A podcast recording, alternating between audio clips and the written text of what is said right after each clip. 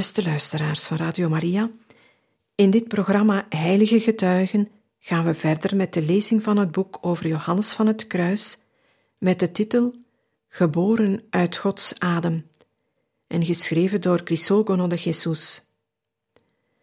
We zijn ondertussen gekomen bij hoofdstuk 18, terug in Castilië van 1588 tot 1591, bij het onderwerp een klooster buiten de stadswallen.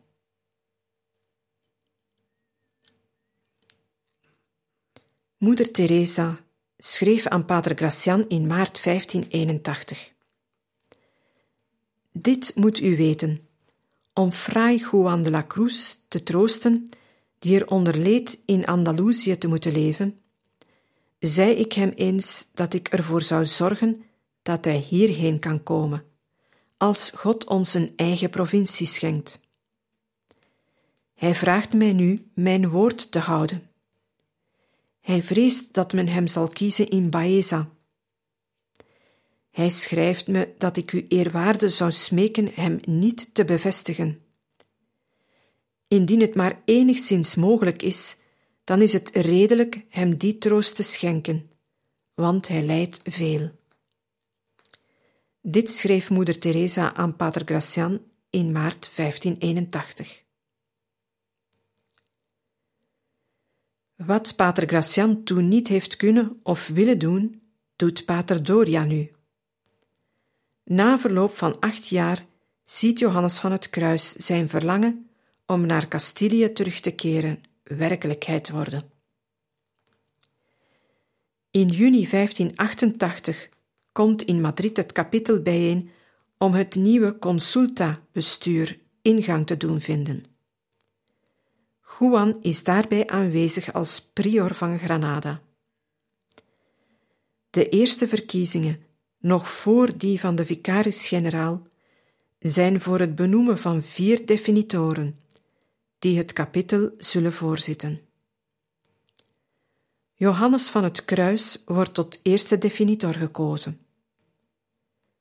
Daarop wordt overgegaan tot het kiezen van de vicaris-generaal. Dat wordt Pater Doria. Vervolgens kiest men de zes raadsleden. De derde daarvan is Pater Juan. Wanneer hij begin augustus 1588 als raadslid van de consulta en prior van Segovia op zijn nieuwe bestemming aankomt, wonen de ongeschoeide paters al meer dan twee jaar buiten de stadswallen in het vroegere Trinitariërsklooster. Ze waren er aangekomen op 3 mei 1586.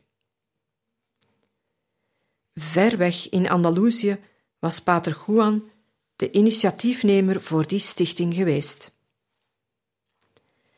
Zijn illustere en heilige penitente uit Granada, Dona Anna de Peñalosa, had hem geraadpleegd over de nog hangende zaak van het testament van haar gemaal, Don Juan de Guevara. Deze had zijn fortuin willen wijden aan de bouw van een ziekenhuis of een klooster in Segovia, zijn geboortestad. Juan adviseert Dona Anna een klooster voor ongeschoeide karmelieten te stichten, en de illustere dame een van hen die de deugdzaamheid van de eerste ongeschoeide pater het best kennen, aarzelt geen ogenblik. Men krijgt toestemming van pater Doria, de provinciaal. Hij belast pater Gregorio Nascianceno, vicaris provinciaal voor Castilië, met de zaak en deze begint direct met het zetten van de nodige stappen. Hij begeeft zich samen met zijn secretaris Pedro de San José en pater Caspar de San Pedro naar Segovia. Zij zoeken eerst vergeefs een geschikt onderkomen in de stad zelf, waar zij intussen met veel gelegenheid gastvrijheid genieten, in het huis van de aartsdiaken Don Juan de Orozco, de kanuniek die op de morgen van de stichting van de ongeschoeide moniale de eerste mis was komen lezen in de als kapel voor de karmelitessen ingerichte hal. Daarop besloten zij tot de aankoop van het leegstaande Trinitariërsklooster. Het ligt buiten Segovia, op enige afstand van de wallen aan de andere kant van de rivier de Eresma, die ten noorden van de stad stroomt. Vlak bij de rotsen van de Fuencisla en aan de voet van de achthoekige kerk van de Tempeliers staat het recht tegenover het Alcazar, maar ziet de andere kant uit. Het Alcazar naar het oosten, het klooster naar het westen. Het is een klein gebouw met een kerk die scheuren vertoont. Aan de voet van een heuvel gelegen stroomt er water binnen dat van de heuvel komt, als ook van de rivier die er vlakbij loopt. Maar men herstelt dit met de nodige kosten en op 12 juli 1586, een jaar na het begin van de onderhandelingen, kan de communiteit het betrekken. Die bestaat aanvankelijk uit zes religieuzen.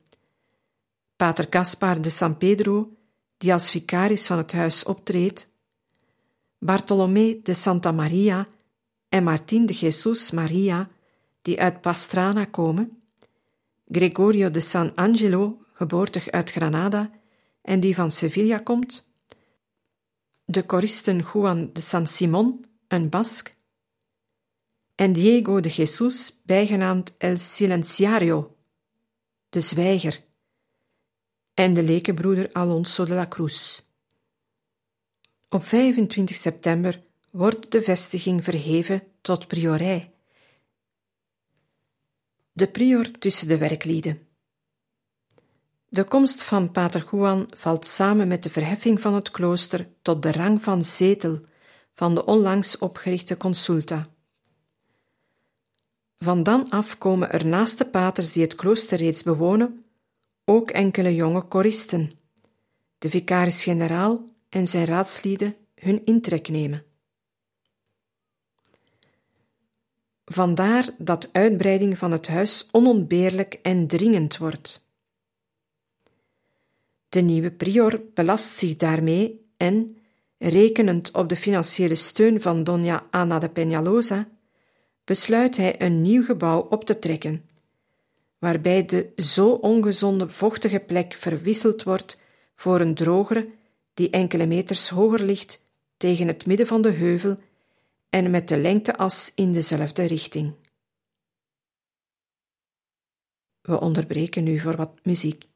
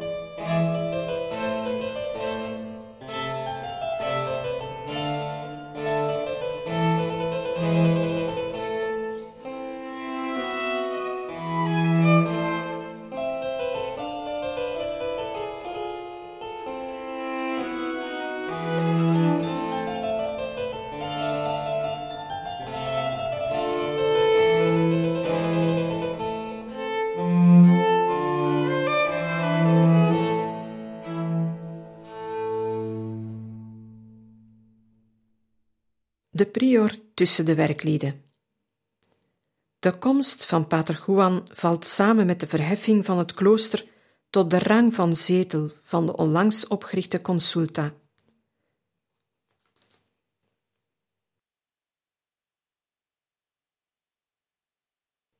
Met de werkzaamheden wordt snel begonnen. Tussen de arbeiders en opperlieden die uit de stad komen, werken ook enkele religieuzen. De kloosterarchieven spreken zelfs van zeven. Daarbij onderscheiden zich de broeders Francisco en Antonio, wier arbeid wegens hun vroegere kundigheden, hun praktijk in handenarbeid en hun toewijding meer oplevert dan die van vele arbeiders samen. Tussen al die werklieden door beweegt zich ook Johannes van het Kruis. Dat hij prior is, doet er niet toe. Barrevoets en blootshoofds gaat hij, soms door sneeuw en hagel, die zo vaak voorkomen in de barre Segoviaanse winters, naar de steengroeven waar men de steen kapt voor de werkzaamheden. Hij speelt er voor opzichter. Heel vroeg al gaat hij nog nuchter, nadat hij nauwelijks de mis heeft opgedragen, naar boven om pas tegen één uur weer naar het klooster terug te gaan. Pablo de Santa Maria zegt als hij hem zo ziet, vol bewondering voor zijn weerstand, dat hij wel een eik lijkt. Hij brengt er eindeloze uren door met werken en aanmoedigen. Hij kan nauwelijks verhelen hoe hij ervan droomt dat het klooster gereed komt. Juan Evangelista, die hem al sinds Andalusië gevolgd is, zegt hem: Wat houdt u, eerwaarde, zich toch graag op tussen kalk en steen? Waarop Juan antwoordt: Dat moet je niet gek vinden, zoon. Als ik met stenen omga, hoef ik minder te biechten dan wanneer ik met mensen omga. De arbeiders krijgen van Pater Prior verzorging en aandacht, die soms op het miraculeuze af zijn. Pedro is een opperman die al van het begin van de werkzaamheden aan de steengroeven werkt. Op een dag verwondt hij bij het wegtrekken van een steen twee vingers van zijn hand, de middelste, en verbrijzelt de botjes. Ze waren soepvlees geworden, volgens zeggen van broeder Louis, die erbij was. Op dat moment komt Johannes van het kruis langs. Hij vraagt wat er gebeurd is. Pedro laat hem zijn verbrijzelde vingers zien. De prior neemt ze tussen zijn handen, trekt ze recht en de vingers zijn volkomen genezen. De man kan zijn werk voortzetten zonder ook maar één uur loon te verliezen.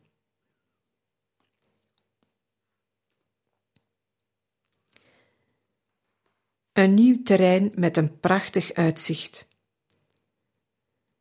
Terwijl men verder bouwt aan het klooster, koopt Pater Juan zes maanden nadat hij prior van Segovia is geworden, nieuwe terreinen om de tuin te vergroten en af te ronden. Zijn naam staat in het contract. Voor allen die dit geschrift zullen zien, dat zegt hoe wij, de prior en de religieuzen van het klooster van Onze Lieve Vrouw van de Berg Karmel, buiten de muren van Segovia, bij het luiden van de klok in vergadering zijn bijeengekomen, zoals wij gewoon zijn bijeen te komen voor de zaken die op genoemd klooster betrekking hebben. En dat daar nu bijeen waren Pater Juan de la Cruz, eerste definitor en president van de consulta, in de stad Segovia 21 januari van het jaar 1589. De koop gebeurt op het kathedrale kapitel voor 80 realen. De ondertekening is gedateerd op 21 januari 1589. De inbezitneming gebeurt pas op 4 juni. Aanwezig daarbij zijn Juan Pretel, adjunct corregidor, die optreedt namens de stadsraad, Geronimo Mercado, die als griffier fungeert, en pater Juan de la Cruz namens de communiteit. Juan overhandigt ten overstaan van de griffier de stukken van het contract die de eigendomsverwerving van de terreinen bevestigen aan het lid van de stadsraad. De authenticiteit van de stukken wordt geverifieerd, waarna men gedrieën naar de tuin gaat. Juan Pretel neemt pater Juan bij de hand en plaatst hem midden op de gekochte gronden en rotsen, opdat hij die in bezit neemt. Pater Juan loopt er overheen om te beduiden dat hij er de eigenaar van is. Hij werpt stenen van de ene naar de andere kant, trekt struikjes uit en stelt andere daden die het rechtensbezit van de eigendom aangeven. Hij zegt dat hij deze terreinen in ontvangst neemt en er de vreedzame bezitter van blijft. Hij vraagt vervolgens dat de griffier dit schriftelijk bevestigt. De adjunct corregidor geeft de griffier opdracht dit te doen en overhandigt pater prior het betrekkende stuk. Juan Pretel besluit met plechtig te bevelen dat niemand het bezit beroert of verstoort, op straffen van overtreding en andere straffen die door hen die andermans bezittingen verstoren, worden opgelopen krachtens het gezag en het recht. De gekochte terreinen zijn ten noorden van de tuin gelegen en omvatten de kraaienrotsen, een rotsachtige kleine heuvel van zandsteen beneden en boven enigszins kalkhoudend, in het zuidelijk gedeelte verticaal afgesneden en zo een steile helling vormend met enorm grote, ontoegankelijke spleten. Daar nestelen en verblijven hele zwermen kraaien, die onvermoeibaar krassen en rondvliegen. Beneden ligt buiten de omheining de kluis van La Fuencisla, met zijn wonderlegendes sinds de tijd van de Joden. Van boven op het nieuw gekochte terrein heeft men een prachtig uitzicht. Beneden, tegen een vrij steile afdaling, op zo'n 300 meter het gebouw van de paters, helemaal in steen. En verder, aan de andere kant van San Marcos, de samenvloeiing van twee kleine riviertjes, de Eresma en de Clamores, die van de Sierra omlaag komen. Het Alcazar, trots stronend op de scherpe rots die uit het water omhoog steekt, als een bark waarvan de voorsteven naar het westen gekeerd is, naar West-Indië. Links de stad, torens, stenen bogen, bolwerken en in de verte de bergen van Valsain, eeuwig groen met hun pijnbossen en de laatste uitlopers van Samosierra, die een groot deel van het jaar besneeuwd zijn. We onderbreken u voor wat muziek.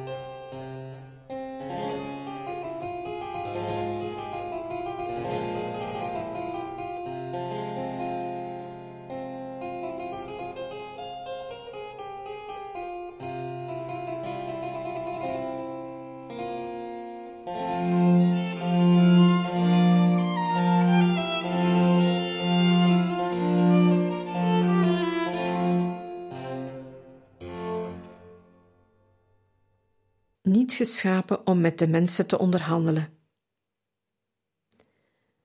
Ongeveer midden in de rots is er een klein natuurlijk hol, laag en smal, zomaar in het kale gesteente. Juan Lacruz gaat er graag naartoe om stil te bidden. Hij geniet er van een prachtig uitzicht in een sfeer van rust en stilte. De lucht is helder en de gezichtseinder eindeloos ver. Juan wordt het daar nooit moe. Nauwelijks klaar met de diensten van de communiteit en zijn verplichtingen of bezigheden, klimt hij de rots op en verbergt zich in het kleine rotshol. Een pater of lekenbroeder komt hem wel zoeken wanneer de aanwezigheid van de prior voor het een of ander vereist is.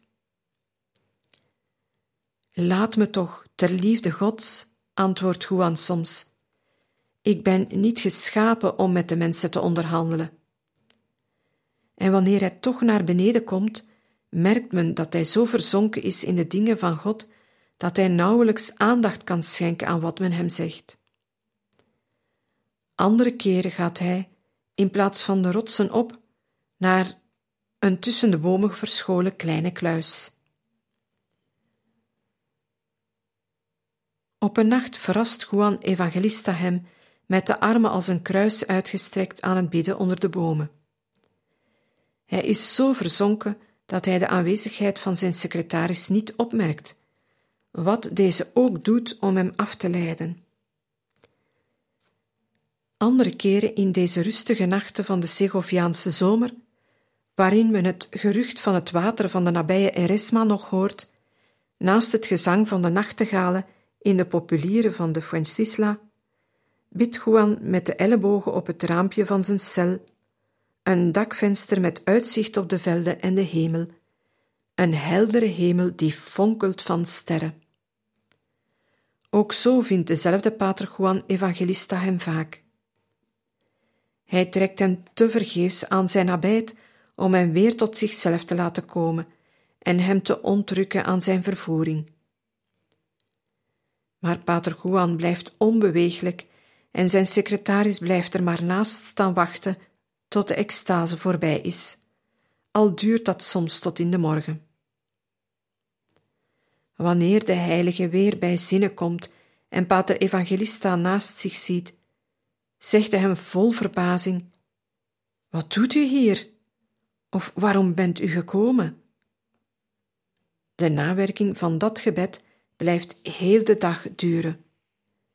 De lekenbroeder Bernabé de Jesus merkt bij een bepaalde gelegenheid op dat Pater Prior, terwijl hij in de kloostergang loopt te spreken met iemand uit de wereld, met de knokels van zijn vingers tegen de muur klopt om aandacht te kunnen blijven opbrengen voor het onderwerp waarmee ze bezig zijn. Hij klopt zo hard en zo vaak dat de knokels ontveld zijn.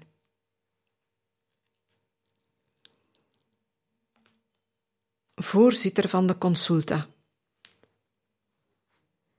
Toch is zijn leven niet één en al abstractie. Hij heeft uiteenlopende en talrijke bezigheden.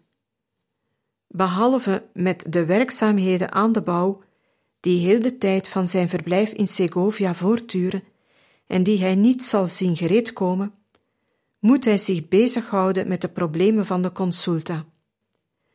In deze eerste tijd dat die ingesteld is, zijn deze problemen talrijk, dringend en gecompliceerd. Pater Doria, de vicaris-generaal, is afwezig. Krachtens besluit van de raadsleden visiteert hij sinds 16 september 1589 alle kloosters van de hervorming. Tijdens die visitatie, die drie maanden duurt, is Pater Juan voorzitter van de consulta. Hij doet de benoemingen, geeft aanwijzingen voor het kloosterleven en lost de problemen op waarover men hem advies vraagt. Met welke onderwerpen hij zich moet bezighouden in die tijd blijkt onder meer uit brieven.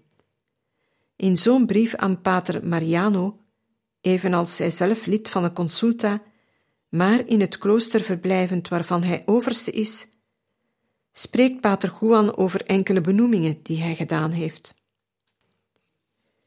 Jezus zij met u, eerwaarde. Zoals u, eerwaarde, weet, hebben wij de religieuze heel hard nodig. Dit komt door het grote aantal stichtingen. Daarom moet u, eerwaarde, er zich maar bij neerleggen dat vrij Michael vandaar ginds bij u naar Pastrana gaat om pater provinciaal op te wachten. Hij moet onmiddellijk de stichting van het klooster te Molina tot een goed einde brengen. Eveneens leek het de paters passend u eerwaarde een nieuwe subprior te geven. Ze hebben u daarom pater Angelus afgestaan. Hij zal zich wel goed aanpassen bij zijn prior, denken ze. En dit is ook het beste voor een convent. U eerwaarde geeft dus maar aan allebei de patenten. Het is ook goed als u eerwaarde ervoor blijft zorgen dat niemand, priester of niet, zich met de novice bemoeit. Zoals u eerwaarde wel weet, is niet zo verderfelijk voor novice als dat iedereen iets aan hen meent te moeten doen en dat anderen zich met hem bemoeien. Omdat u zoveel novice heeft, is er alle reden voor Fray Angelus te helpen en zijn taak te verlichten, door hem de macht van superior te geven, zoals die hem bij deze dan gegeven wordt. Dan heeft men in huis meer respect voor hem. Het schijnt dat pater Fray Michael bij u niet zo heel hard nodig is op het ogenblik. Hij kan de orde beter elders dienen. Wat pater Gracianus betreft, niets nieuws. Wel is pater Fray Antonius reeds hier. Segovia, 9 november 1588, Fray Johannes van het Kruis.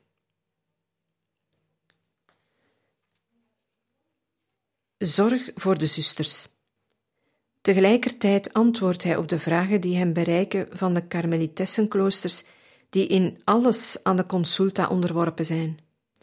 Hij stuurt vergunningen om novice aan te nemen of tot de professie toe te laten. Hij neemt hun twijfels weg over punten van ceremonieel of wetgeving. Hier is dan het verlof voor de vier novicen. Zie toe dat ze goed worden voor God. Nu wil ik antwoord geven op al uw dubia. Maar in het kort, ik heb weinig tijd. Ik heb ze eerst doorgesproken met de paters hier. Pater Noster is immers niet hier. Hij is daar ginds op reis. God moge hem geleiden. Ten eerste, er wordt geen discipline meer genomen met roeden, al wordt het officie ook van ferie gebeden. Met de afschaffing van de eigen karmelitaanse ritus is immers ook dat ferie-officie afgeschaft. Het werd overigens maar op bepaalde dagen gebeden en er waren niet veel ferie-officies. Ten tweede, geef niet in het algemeen verlof, nog aan allemaal, nog aan een of ander afzonderlijk. Dat men ter compensatie hiervan of van iets anders drie dagen per week de discipline neemt. De afzonderlijke gevallen van u moet u maar naar gewoonte ginds bekijken. Blijf het gemeenschappelijke onderhouden. Ten derde, s'morgens moet men niet vroeger opstaan als de constituties voorschrijven, tenminste de communiteit niet. Ten vierde, dat de machtigingen ophouden tegelijk met het aftreden van de overste die ze heeft gegeven. Daarom zond ik u niet in deze brief opnieuw machtiging, zodat in geval van noodzaak binnen de clausuur mogen komen de biechtvader, de dokter, de chirurgijn en de werklui. Ten vijfde, omdat er bij u op het ogenblik heel wat plaatsen vakant zijn, kunt u, als datgene waarover u spreekt noodzakelijk wordt, het geval van zuster Aldonza zelf behandelen. Beveel mij bij haar aan, maar beveel me ook aan bij God. Blijf met hem. Ik kan niet verder uitweiden. Segovia, 7 juni 1589, Fra Johannes van het Kruis. We onderbreken voor wat muziek.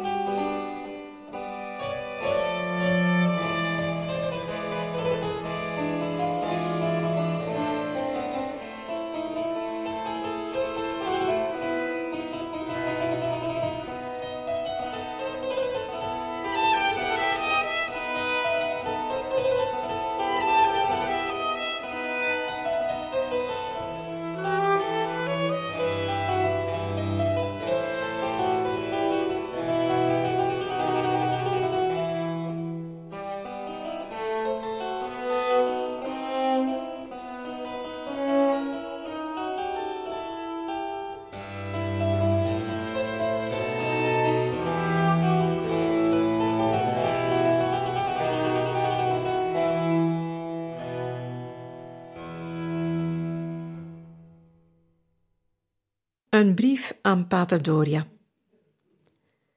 Andere keren moet hij de afwezige pater vicaris-generaal rekenschap geven over de beslissingen die de raadsleden hebben genomen en hoe ze dingen hadden afgewerkt die hij hun had opgedragen.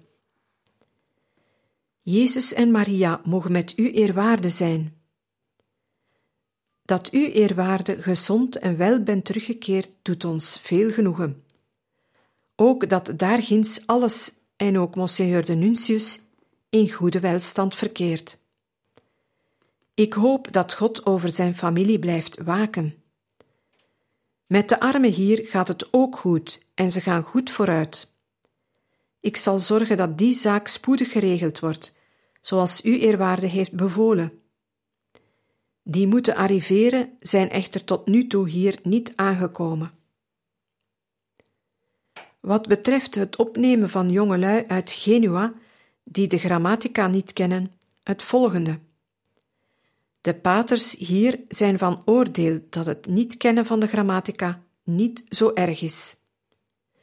ze kennen toch wel zoveel Latijn als het concilie eist, zodat ze een fatsoenlijke constructie kunnen maken. Als men ze daarginds met alleen die kennis wijdt, dan lijkt het me wel dat men ze kan opnemen. Maar als de ordinarii van daarginds hiermee niet tevreden zijn, dan lijkt het me dat ze niet de voldoende kennis hebben die het concilie eist. Dan zou het een hachelijke onderneming zijn ze hier naartoe te brengen om ze te laten wijden of te onderrichten. En om de waarheid te zeggen, men zou hier niet graag zien dat er veel Italianen kwamen. Die brieven gaan, zoals u eerwaarde opgeeft, naar pater Fray Nicolas. Dat onze Heer u eerwaarde voor ons bewaren, zoals hij ziet dat het nodig is. Segovia, 21 september 1589 Twee interessante stukken van de consulta. Naast de organisatie van de nieuwe bestuursvorm hebben de raadsleden nog allerhande andere taken te vervullen.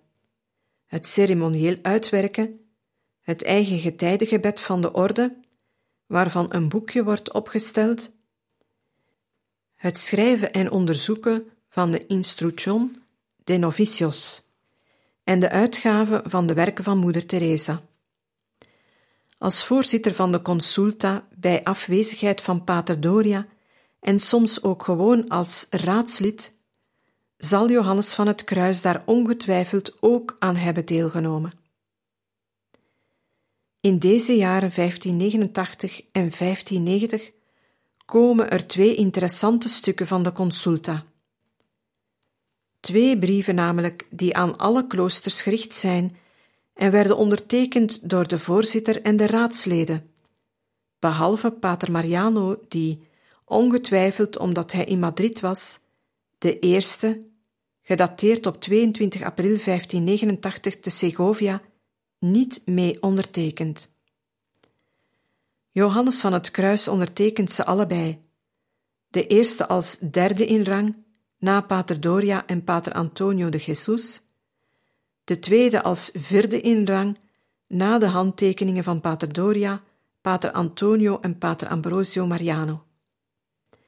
De eerste brief behandelt de weldaad van de roeping, de tweede, wat het nieuwe consulta-bestuur inhoudt. Geen van beide brieven vertoont ook maar een spoor van de stijl of zelfs van de leer van de schrijver van de bestijging van de berg Karbel. De leerstellige inhoud, vooral van de eerste brief, is degelijk, maar de puntigheid en logische soepelheid die zo kenmerkend zijn voor de geschriften van de mystieke leraar ontbreken. Beide zijn waarschijnlijk opgesteld door Pater Doria zelf. Men vindt er zijn voorkeur voor de kloosterlijke observantie in terug. Zijn wat harde oordeel en zelfs zijn wat zware manier om zich uit te drukken, net als in de andere geschriften van zijn hand. Een mooie duif bij de armste cel. Terwijl hij deelneemt aan de beraadslagingen van de consulta, bestuurt Pater Juan als prior ook zijn klooster in Segovia. Hij heeft een arme cel gekozen, zo klein dat hij er nauwelijks in kan. Dicht bij het koor heeft die cel als enige versiering een houten kruisbeeld en een prentje. Het meubilair bestaat uit een veldbed en een plank die met een duim aan de wand bevestigd is om hem op te slaan. Die dient als tafel. Hij heeft geen bibliotheek. Hoewel Johannes van het Kruis een geleerd man was, zo getuigt Juan Evangelista, had hij op zijn cel geen ander boek dan de Heilige Schrift. Daarin vond hij, naar hij gewoonlijk zei, alles wat hij nodig had. Wanneer hij een ander boek wilde inzien, haalde hij het van de gemeenschappelijke bibliotheek en bracht het dadelijk weer terug. Hij was een toegewijd lezer van de Heilige Schrift, die hij bijna helemaal van buiten kende, en van de heilige Augustinus. Boven de deur steekt aan de buitenzijde een balk uit. Broeder Bernabé merkt dat er vaak een mooie duif op die balk zit, die niet koert en ook niet komt meeeten met de andere die Juan voert en nooit met die meevliegt. Bernabé vertelt het aan Juan Evangelista, aan Pablo de Santa Maria en aan Lucas de San José. Pater Evangelista verzekert dat hij die duif ook al gezien heeft in de cel die Pater Juan in Granada had. Wanneer ze het hem zeggen, antwoordt hij: Laat toch zitten. Maar de religieuzen zien er iets veelbetekenends en wonderlijks in.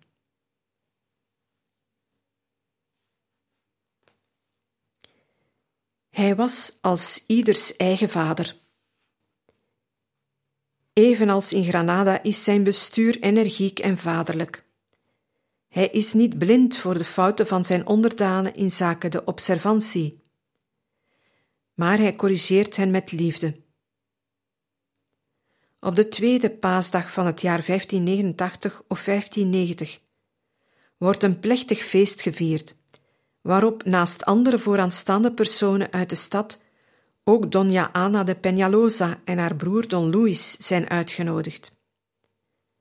Pater Juan zingt de mis. Hij heeft de preek toevertrouwd aan een medebroeder. Als het zover is, gaat men de predikant waarschuwen. Niet goed gehumeurd zegt deze dat hij niet kan preken, wat wordt doorgegeven aan de celebrant. Die gaat rustig door met de mis en beëindigt de feestelijkheden zonder ook maar enigszins te laten merken dat hij kwaad zou zijn. Hij richt geen woord van verwijt tot de predikant, die buiten zichzelf is van verbazing over het zwijgen van zijn overste.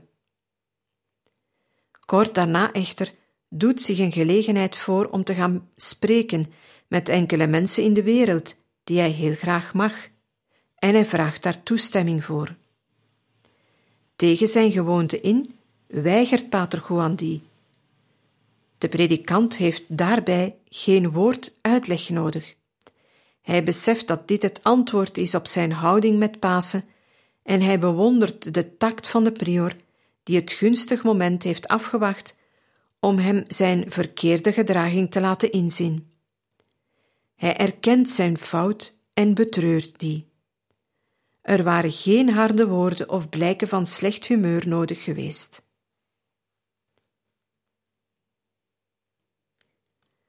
Een andere keer, toen de prior zich volgens de voorschriften van de constituties genoodzaakt zag, een in gebreken gebleven religieus eigenhandig een tuchtiging toe te dienen, zei de schuldige hem na afloop: Ik hoop, pater, in de hemel de hand te zien waarmee u me deze discipline hebt gegeven.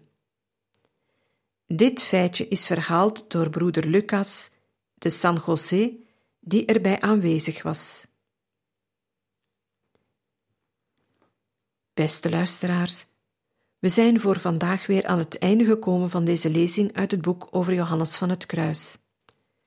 En we gaan volgende keer verder met het hoofdstuk 18, terug in Castilië, van 1588 tot 1591 bij het onderwerp Hij was als ieders eigen vader.